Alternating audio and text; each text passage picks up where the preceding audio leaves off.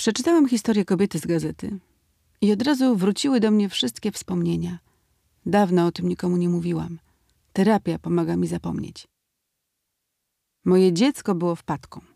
Mojego przyszłego męża poznałam na studiach. Wiedziałam, że on chce mieć dzieci. Może nie teraz, ale później tak. Mimo to wyszłam za niego, chociaż wiedziałam, że dzieci mieć nie chce. On znał moje zdanie, ale pewnie myślał, że mi się odmieni. Tak jak ja naiwnie myślałam, że odmieni się jemu. W sumie to oboje byliśmy głupi. Do pewnego momentu mieliśmy spokój. Gdzieś w okolicy moich 32 urodzin mąż zaczął bardzo mocno namawiać mnie na dziecko. Podobnie jak w tamtej historii, prowadzał mnie do znajomych z dziećmi. Raz nawet, bez mojej wiedzy, zaprosił córkę siostry na tydzień do nas. Zostałam wtedy postawiona przed faktem dokonanym. Nigdy tego nie zapomnę. Wyobraźcie sobie, że przychodzi do domu mąż, obok niego ośmioletnie dziecko, po czym mówi, że ono zamieszka z nami przez tydzień. Serio, myślałam, że się popłaczę, bo ja od zawsze nie lubiłam dzieci i on o tym wiedział. Została tylko dlatego, że żal mi jej się zrobiło, bo ona niczemu nie była winna. Nie zmieniło to mojego podejścia do dzieci. Ale do sedna. Brałam pigułki.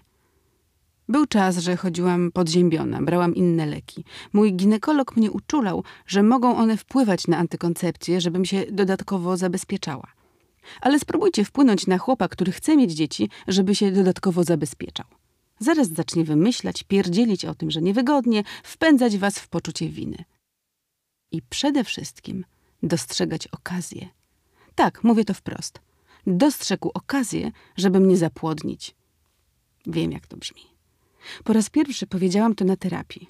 Myślałam, że moja terapeutka mnie wyśmieje. Na szczęście tak się nie stało. I to dzięki niej wyszłam na prostą. Nie udało mi się go przekonać do dodatkowego zabezpieczenia. Wiem, co myślicie.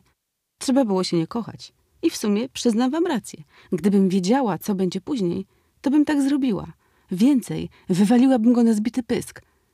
Dalej jest już przewidywalnie. Zaszłam w ciążę.